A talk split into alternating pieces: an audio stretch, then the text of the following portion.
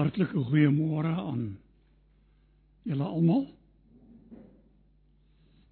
Voor dit is my voorreg om om saam met julle te kan wees. En ek wil tog graag vir julle ook sê vanoggend julle is voortdurend ook in ons gebede. Ons bid vir Antipas. Ons bid vir die werk van die Here ook hier.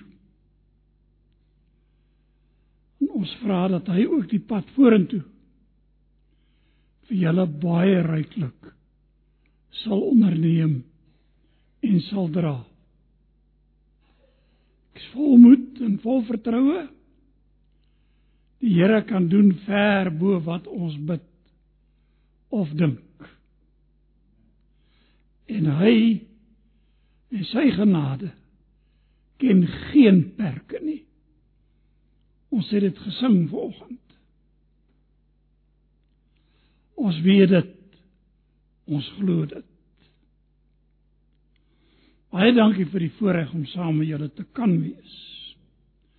En ek dank die Here vir nog 'n geleentheid om hier te kan wees. En dat hy ook vir ons gedra het. En vir my die afgelope tyd om hier te kan wees. My gebed is ook dat vanmôre die Here vir ons ryklik sal seën. Nou vanmôre se diens gaan so 'n bietjie 'n ander fokus bykry. En dis iets wat ek al lankal wou gedoen het. Ek wil so ietsie van 'n persoonlike getuienis ook inwerk in die boodskap. Omdat ek graag aan die Here die eer wil gee vir wat hy gedoen het en die wyse waarop hy onderneem en waarop hy gebed beantwoord. Nou ons gaan dit nou saam lees uit Psalm hoofstuk 4.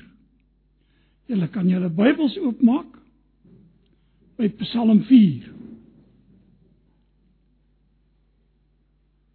En terwyl julle Bybels oop is, kom ons buig ons hoofde in aanbidding voor die Here. Ons dank die Here vir hierdie geleentheid. Ons dank U vir saam wees. Saam as U kinders. As die liggaam van die Here Jesus. Waarin ons weet ons behoort aan mekaar omdat ons almal aan U behoort. En ons wil U aanbid as die ewige, die lewende, die almagtige die God wat gebed verhoor. Die God wat wonderwerke doen. Die God wat vir ons dra stap vir stap. Sodat ons saam met daardie ou haleluja lied kan sê hou u my hand. Ek is so swak. So hulpeloos ek waag geen tree as u nie met my gaan. Bid vir môre Here vir elke persoon in hierdie gebou. U ken ons harte. U ken ons behoeftes. U ken die dinge waarmee ons worstel. Ons vra dat u deur u gees en deur u woord ons lewens ook in hierdie oggend sal aanraak en dat u in die woord en in die prediking u naam sal groot maak deur u gees sal werk. En ons bid vir die pad vorentoe. Vir hierdie gemeente. Vir die nuwe leraar wat kom met sy familie.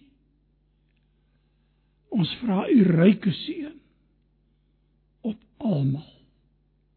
In Jesus naam. Amen. Nou ek wil vanmôre aan die voorlees Psalm 4. Maar hier's nou so 'n paar saakies rakende hierdie Psalm. Meeste is dit eens dat daar 'n baie nou nou band tussen Psalm 3 en 4 bestaan. Sal ook opmerk dat die ou Afrikaanse vertaling as opskrifie by die by Psalm 3 het 'n môre lied. En by Psalm 4 'n aandlied. Nou hierdie is nie die kern van die saak nie. Die kern van die saak is dat daar 'n band is tussen die twee psalms. Beide word beskryf as 'n psalm van Dawid. Psalm 3 sê vir ons toe hy vir sy seun Absalom gevlug het. En dan Psalm 4 is 'n oproep. 'n Gebedsoproep. 'n Broer en suster, ek dink nie ek kan genoeg klem lê. Want in ons lewens het ons maar elke oomblik 'n gebedsoproep tot God. Nou kom ek lees vir julle Psalm 4. En dan wil ek hê julle moet oplet. In vers 2, die begin van die Psalm en in vers 9 dit vorm eintlik 'n bietjie van 'n omraming van die hele Psalm. Julle sal dit opmerk as ek dit lees. Nou Psalm 4 begin vir die musiekleier met snare spel, 'n Psalm van Dawid. God wat my reg aantaaf. Antwoord my wanneer ek roep. Toe ek in die noute was, het u vir my ruimte gemaak. Wees my genadig en hoor my gebed. Mense, hoe lank nog gaan julle my eer skend? Julle het nietigheid lief. Julle jaag leuns na. Julle moet weet dat die Here sy getroue volgelinge uitsonderlik behandel. Die Here hoor wanneer ek na hom roep. Sidder. Moenie sondig nie. Dink na op julle beddens en wees stil. Bring offers van geregtigheid en vertrou op die Here. Baie mense sal sê, "Wie sal ons weer die goeie laat beleef?" Laat die lig van u teenwoordigheid oor ons skyn, Here. U het vreugde in my hart gegee meer as in die tyd wanneer mense se koring en nuwe wyn volop is. In vrede kan ek gaan lê en dadelik aan die slaap raak. Want net U Here laat my veilig woon. sien nie die raam 'n oproep wees my genadig Hoor my as ek roep. En dan in vrede kan ek gaan lê en aan die slaap raak. Want net U Here laat my veilig woon. Is hierdie twee kan ons sê die raamwerk van hierdie hele Psalm Nou ek wil graag iets oor die raamwerk sê en ek sal ook oor die res van die Psalm iets sê, maar uiteraard kan ons nie aan alle besonderhede aandag gee nie. Dit dit sal ons nog al 'n rukkie besig hou. Maar hierdie is 'n wonderlike Psalm. Ek onthou baie jare terug nog daar by die seminarium hoor ek eendag daar uit die eetkamer die pragtigste sang. Denkbaar. Maar dis nou nie hierdie aandlied nie, maar dis toe die bekende aandlied wat 'n groepie jong mense wat daar by ons gekuier het so a cappella saam gesing het. Hulle het gesing ek was hoendervleis van kop tot tone. Dit was so mooi die aandlied. Nou hierdie is nie dieselfde nie. Maar hierdie Psalm is net so aangrypende Psalm. As ons dink aan die woorde van hierdie Psalm. Dawid kom in aanbidding en hy roep: "O God, of net God wat my reg handhaaf." Die ou Afrikaanse vertaling sê: "God van my geregtigheid." Ek het ook die English Standard Version neergeskryf: "Answer me when I call, call O God of my righteousness. Die ou Afrikaanse vertaling God van my geregtigheid. Dis die God wat hy aanroep. Ek sal nou iets meer daaroor sê. Antwoord my wanneer ek roep. Hoor u 'n benoude oproep tot God. Nou ek het nou baie keer daaroor gedink want durf ek waag. Hier sê die psalmis in die nuwe vertaling God wat my reg handhaaf. Die ou vertaling God van my geregtigheid. Kan ek durf waag om soveel van God te sê? Hy is die gans ander, hy is die heilige. Die onmeetbare Ons kan hom nie in menslike terme beskryf. Ek is altyd so huiwerig as ek daaraan dink. En ek wonder en ek het al baie keer by die huis gesê, ons verstaan so min van God. Ons weet eintlik so min van God. Is nie waar nie? Hy is soveel groter soveel ryker. Sy liefde is so omvattend. Sy ontferming is so groot. En dis in daardie sin wat Dawid kan uitroep en sê God wat my reg handhaaf. Hy het geweet God is aan sy kant. Nou sou ons enigsins Psalm 3 en 4 so 'n bietjie verbind. Dan kan ons tog iets En waarskynlik verwys Psalm 4 na baie meer gebeure in Dawid se lewe. Maar kan u dink hoe moes Dawid gevoel het toe sy eie seun Absalom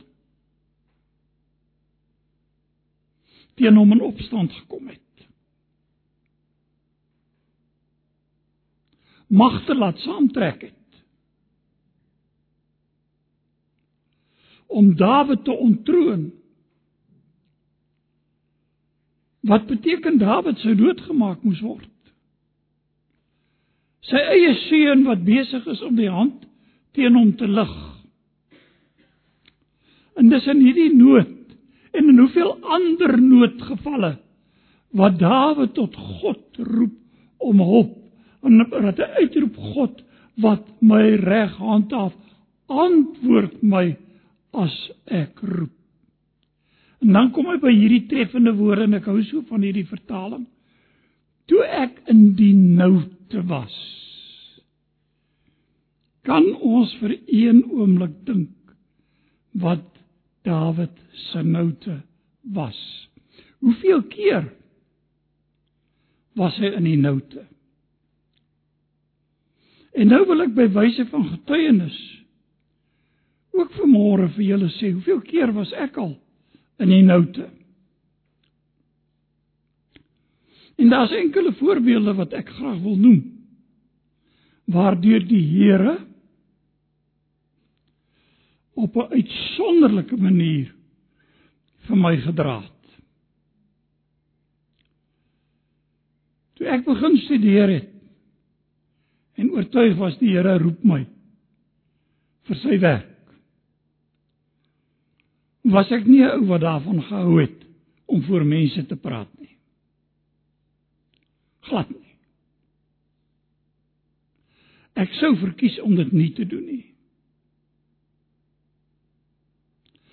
Maar nou bevind ek myself by die seminarium en daar word jy nou verplig om voor mense te praat. Verplig om voor die studente liggaam en die dosente te praat. En ek sal nooit vergeet nie. Die eerste wat ek opgemerk het is toe die rooster opgesit word. Die kapelrooster het ons dit genoem. Beteken elke oggend vroeg in die oggend is daar so 10, 15 minute wat ons bymekaar kom wat een van die studente 'n boodskap bring en ons dan bid en dan uitmekaar gaan vir die dag vir die klas. En nou sien ek die name daar. En so en verder aan sien ek my naam. Wat vir my absolute koue rillings gegee het. Ek sien nie daarvoor kans nie. So lank voor die tyd het ek begin voorberei. En ek onthou so goed ek het 'n ou klatskrif geneem en my potlood en my preek begin uitskryf. Woord vir woord. Want ek het geweet daai dag is my kapelbeurt. En ek sien nie kans daarvoor nie. En daai dag het aangebreek. Met al sy spanning en dinge wat daarmee saamgaan.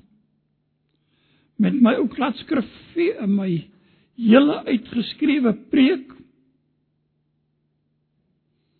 het ek daar voor die studente liggaam op die ou kanseltjie wat daar was my plek gaan inneem.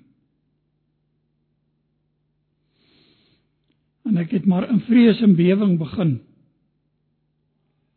om te lees. En toe begin ek met my boodskap. Maar kyk, die boodskap het ek daarom volledig op skrif so. En nou begin ek die ou boodskapie lees, jy weet. Maar ek kyk nou hier voor my soos wat ek nou die boodskap lees en ek vermoed ek het nou maar seker een eentonige stemtoon gebruik net om deur al hierdie dinge te kom wat ek hier geskryf het en net om deur hierdie boodskapie te kom wat ek nou moet aflees en terwyl ek lees toe dink ek joh dit moet dan erg wees vir hierdie studente liggaam om na ou te luister wat nie een oomblik sy oog lig nie wat sy oë vasgenaal is op sy dokument voor hom en hierdie eentonige stemtoon hierdie boodskap aflees En dit kom toe by my nou ek het nou al gehoor in ander klasse 'n spreker moet ook oogkontak kan maak. Hy moet ook sy gehoor in die oë kan kyk. En toe dink ek by myself, nou dan moet ek seker maar net bietjie opkyk en my gehoor in die oë kyk. En toe kyk ek op en ek kyk die gehoor in die oë. En die skok was so groot. Toe ek weer afkyk, toe is die plek weg waar ek was. En ek weet tot vandag toe nog nie of ek 'n stuk weer oorgelees het wat ek klaar gelees gehad het nie. En of ek 'n gedeelte uitgelaat het nie. Dit weet ek nie. Ek weet net ek het daar uitgestap en ek het vir die Here gaan sê, Here, as U my nie help nie, kan ek maar net sowel my baadjie vat en koeskies.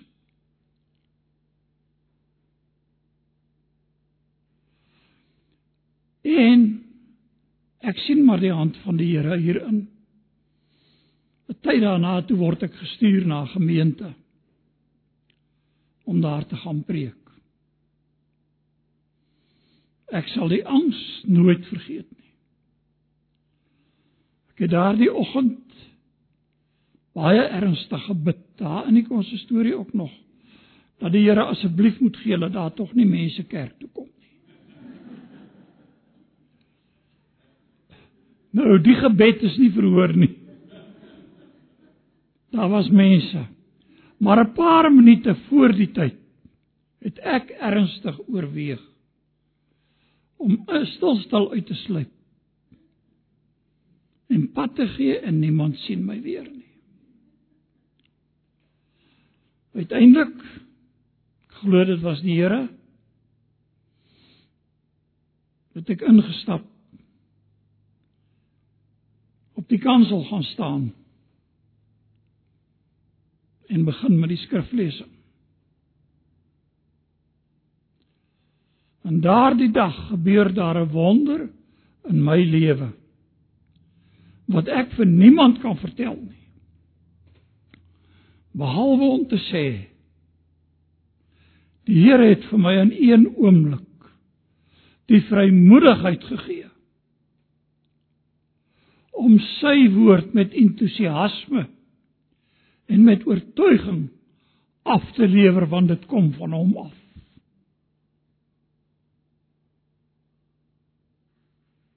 Toe ek in die noute was en ek was in die noute glo my het ek geroep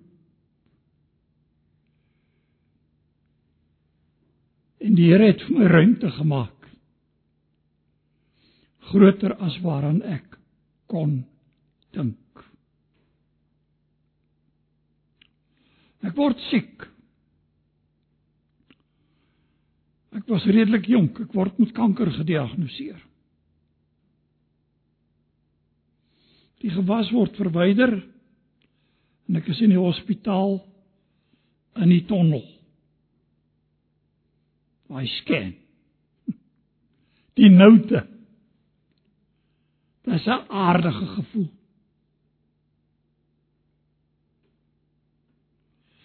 En daar lê ek. Nog relatief jonk. Why me? Is dit nie wat 'n mens dink nie? Hoekom ek?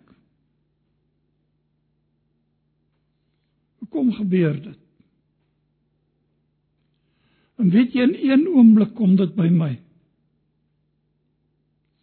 Ek is 'n treurige aardse pa. En ek wil die beste vir my ou kindertjies hê, hulle was nog klein.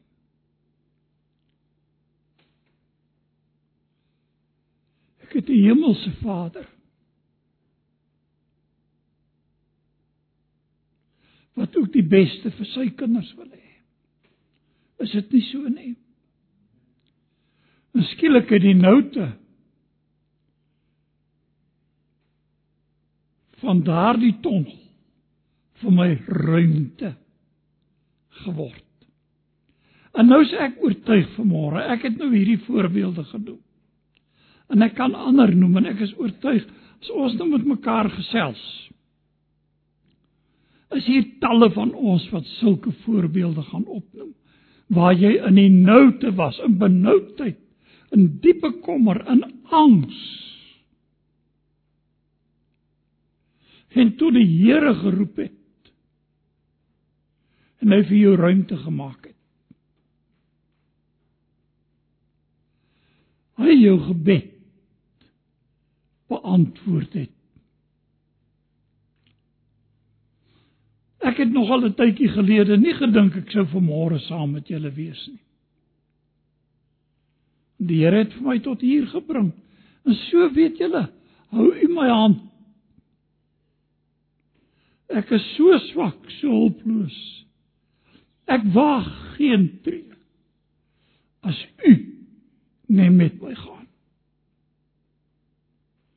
My broer en suster, ons het God nodig elke tree van die pad. Ons is afhanklik. Ons kan saam met Dawid uitroep O God wat my reg handhaaf, antwoord my wanneer ek roep toe ek in die noute was. Het U vir my ruimte gemaak. Wees my genadig en hoor my gebed. Dis in daardie konteks en skynbaar Dawid nog in 'n baie erger konteks. Maar dis in daardie konteks waarin jy en ek ons baie keer bevind en ons tot God roep en ons kan tot hom roep, God van ons geregtigheid. Hoekom? Ek is so lief vir 1 Korintiërs. En ek net vir daai versie vir julle lees. 1 vers 30.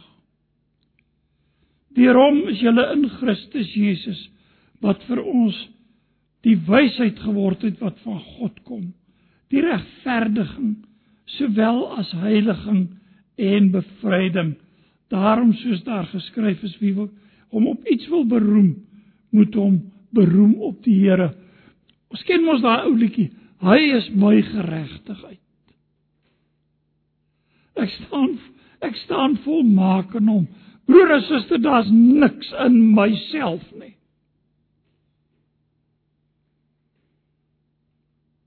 Inteendeel. Ek is so vol gebreke en so vol swakhede. Dis net nie waar nie. Maar ek staan volmaak in hom. As ek voor God die Vader staan, dan staan sy seun wat volmaak is. My geregtigheid in my plek. Wat meer kan ons vra? En daarom kan ek nie Psalm 4 sonder die Nuwe Testament lees nie, sonder die Here Jesus lees nie, sonder die vervulling in Christus nie, want hy is my geregtigheid. En daarom kan ek roep, o God wat my reg handhaaf, God van my geregtigheid, antwoord my wanneer ek roep nie op grond van wie ek is nie.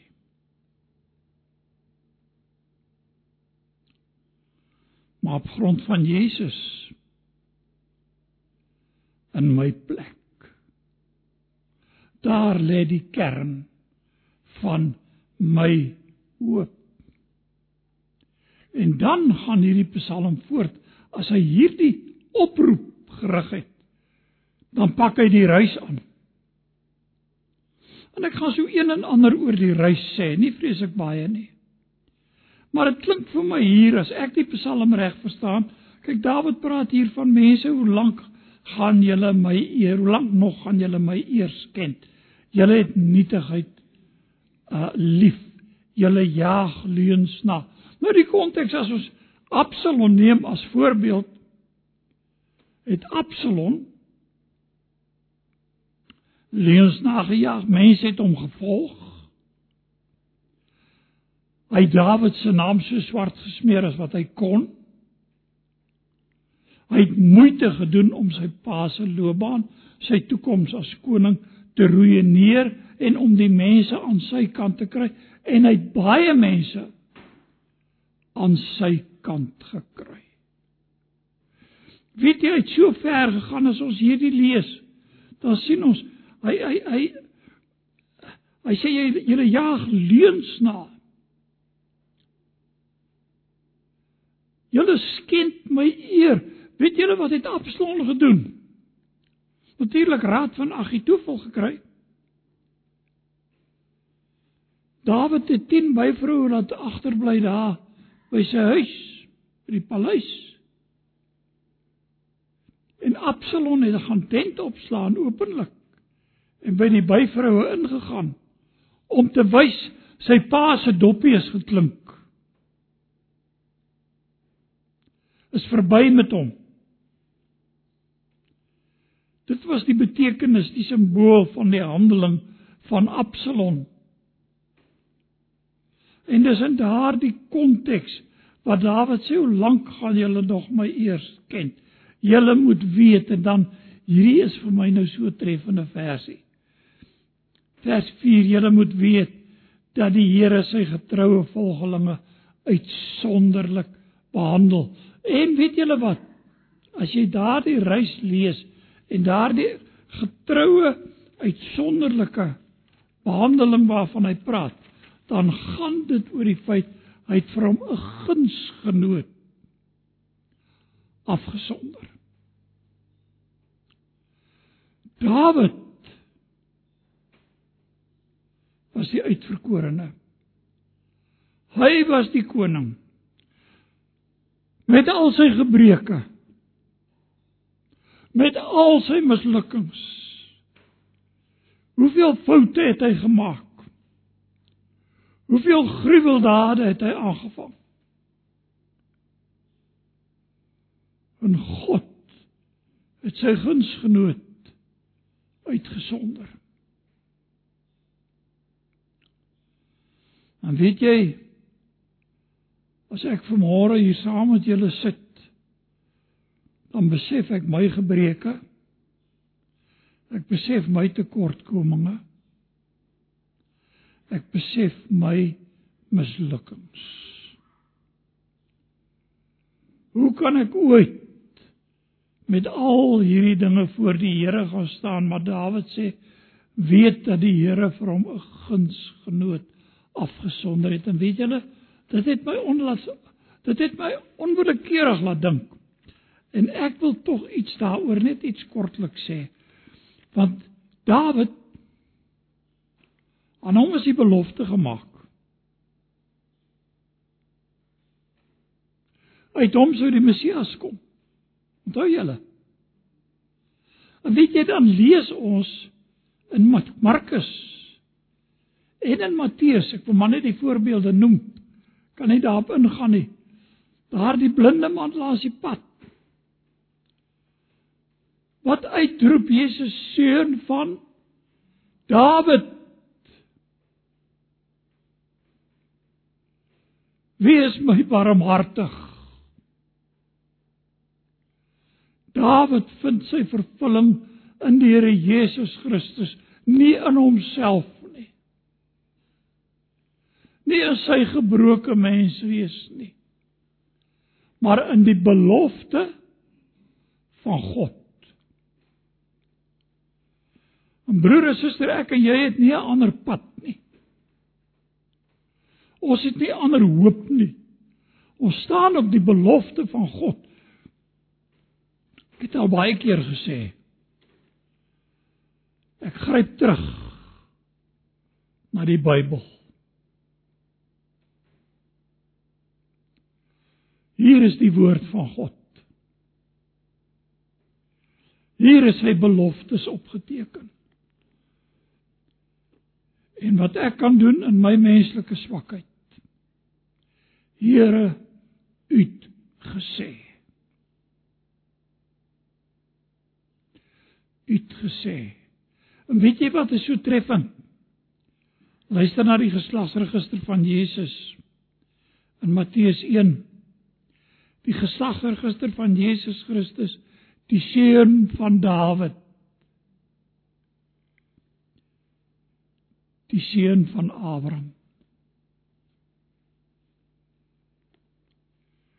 So maak God sy woord waar die Here het vir hom 'n gunsgenoot afgesonder en hier het Dawid natuurlik verwys dat die Here vir hom sorg. Dat die Here hom geroep het dat die Here hom gekies het ongeag die teenstand of dit nou Absalom is en of dit wie anders ook al was. Hy rus op die Here se belofte. Want die Here hoor daar in vers 4 wanneer ek na hom roep.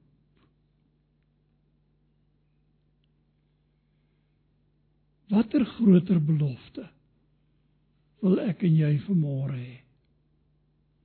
Die Here hoor as ons na hom roep en hy waarsku sy teestanders. Ek vermoed dit is wat vers 5 sê. Wanneer hy sê sitter en moenie sondig nie. Bewe. Nou as dit sy teestanders is, dan waarsku hy hulle. Dan sê hy Dink na op julle beddens en wees stil. En weet julle, dis nogal iets wat ek veral nou in die later jare wanneer dit 'n bietjie langer vat om aan die slaap te raak. Om stil te word en na te dink.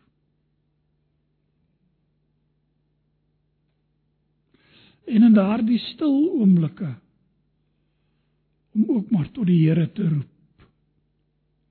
En te sê Here, wees my naby.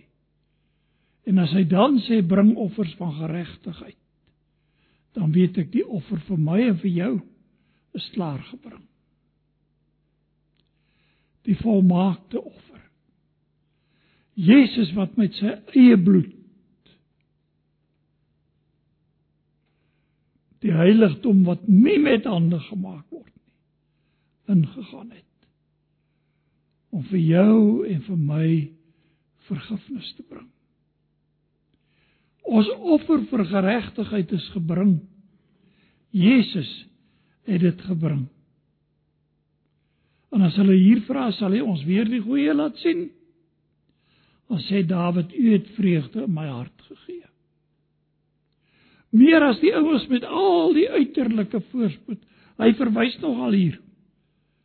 Hy sê u het vreugde in my hart gegee meer en is, is as as in die tyd wanneer mense se koring en nuwe wyn volop is.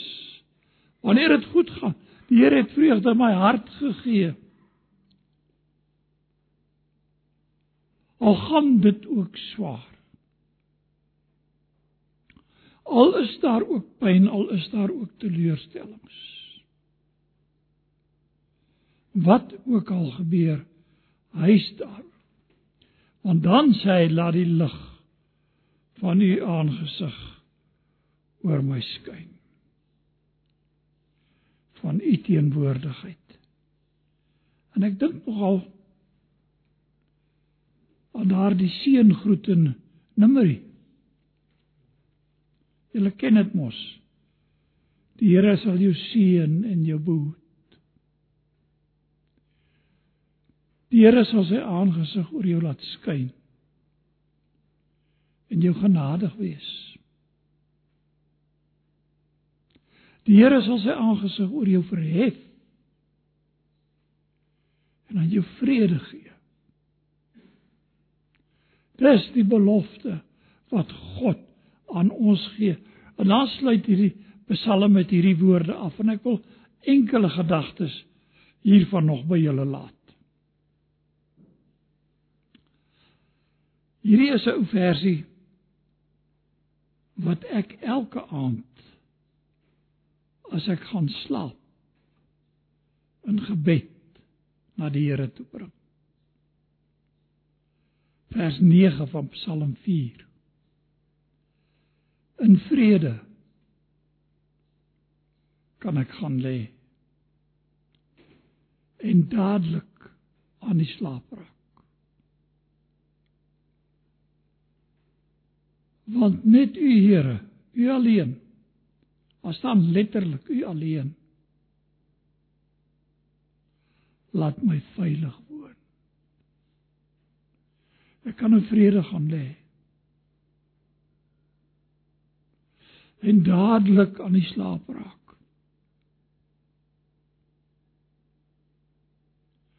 Want hy sê net u alleen Here en nou wil ek hê julle moet net bietjie daarop let. Kyk bietjie in julle Bybels. As die Psalm as jy met Psalm 4 begin dan sê hy God wat my reg handhaaf. Die woord vir God wat daar gebruik word is Elohim. En dan verder aan verskeie kere Kan julle in julle Bybels kyk, die woord Here kom daarvoor. Alles hoofletters H E R E. En as dit so geskryf is, dan staan dit vir Jahwe. Die naam van die Here word daar gebruik. En dan sê hy net dis net Jahwe. Daar is net een God. Die verbondsgod die God wat hom in Christus Jesus aan ons geopenbaar het Die God en Vader van ons Here Jesus Christus, die God van Abraham, Isak en Jakob. Ag en hoeveel keer het ek nie al ook in my gebed dit gesê nie. Ek roep tot daardie God, die God wat gesê het hy is die God van Abraham, die God van Isak en die God van Jakob. En weet julle wat is die interessante? Hy is die God van die lewende, nie van die dode nie. Ons het mos 'n gebruik in Afrikaans. Praat van oorlede ou Gert. As Gert nou nie meer met ons is nie. Ek het nooit gehoor dat die Here Jesus praat van oorlede Abraham. En oorlede Isak en oorlede Jakob nie. Sê ek is die God van Abraham, Isak en Jakob. Hy is die God en Vader van ons Here Jesus Christus. Wat toe Petrus gevra het, toe Jesus vra, "Wie sê die mense is ek?" en vir Petrus, "Wie sê jy?" Toe sê Petrus, "U is die Christus, die seun van die lewende Broer en suster, dis die God wat ons aanbid. Dis die God van die Bybel. En hieraan hou ek vas. In swakheid, in gebrokenheid. En baie keer moet ek ook uitroep, ek glo Here, kom my ongeloof te help. maar ek weet hy sal my nooit laat staan nie. Hy hou my vas. Ek vertrou dat hierdie hierdie Psalm So ons nou hier klaar is, nog al 'n Psalm sal word wat jy gebruik as jy gaan bid in die aand.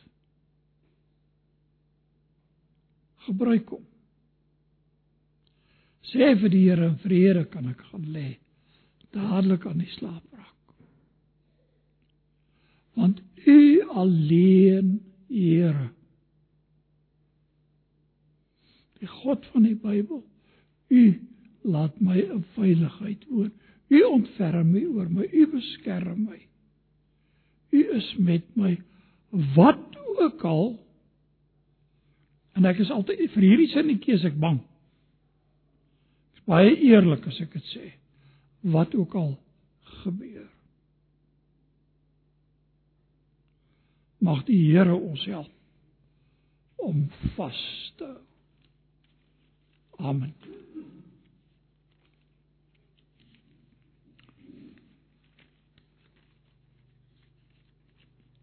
Ons dank die Here vir vir so 'n mooi gedeelte in u woord. En dankie dat dit u woord is. En dankie dat u woord waar is en ons gryp vanmôre hier aan vas as u kinders en sê Here dis ook vir ons bedoel. Die Here sal jou seën en jou behoed. Die Here sal sy aangesig oor jou laat skyn en jou genadig wees. Die Here sal sy aangesig oor jou verhef en aan jou vrede gee in Jesus naam. Amen.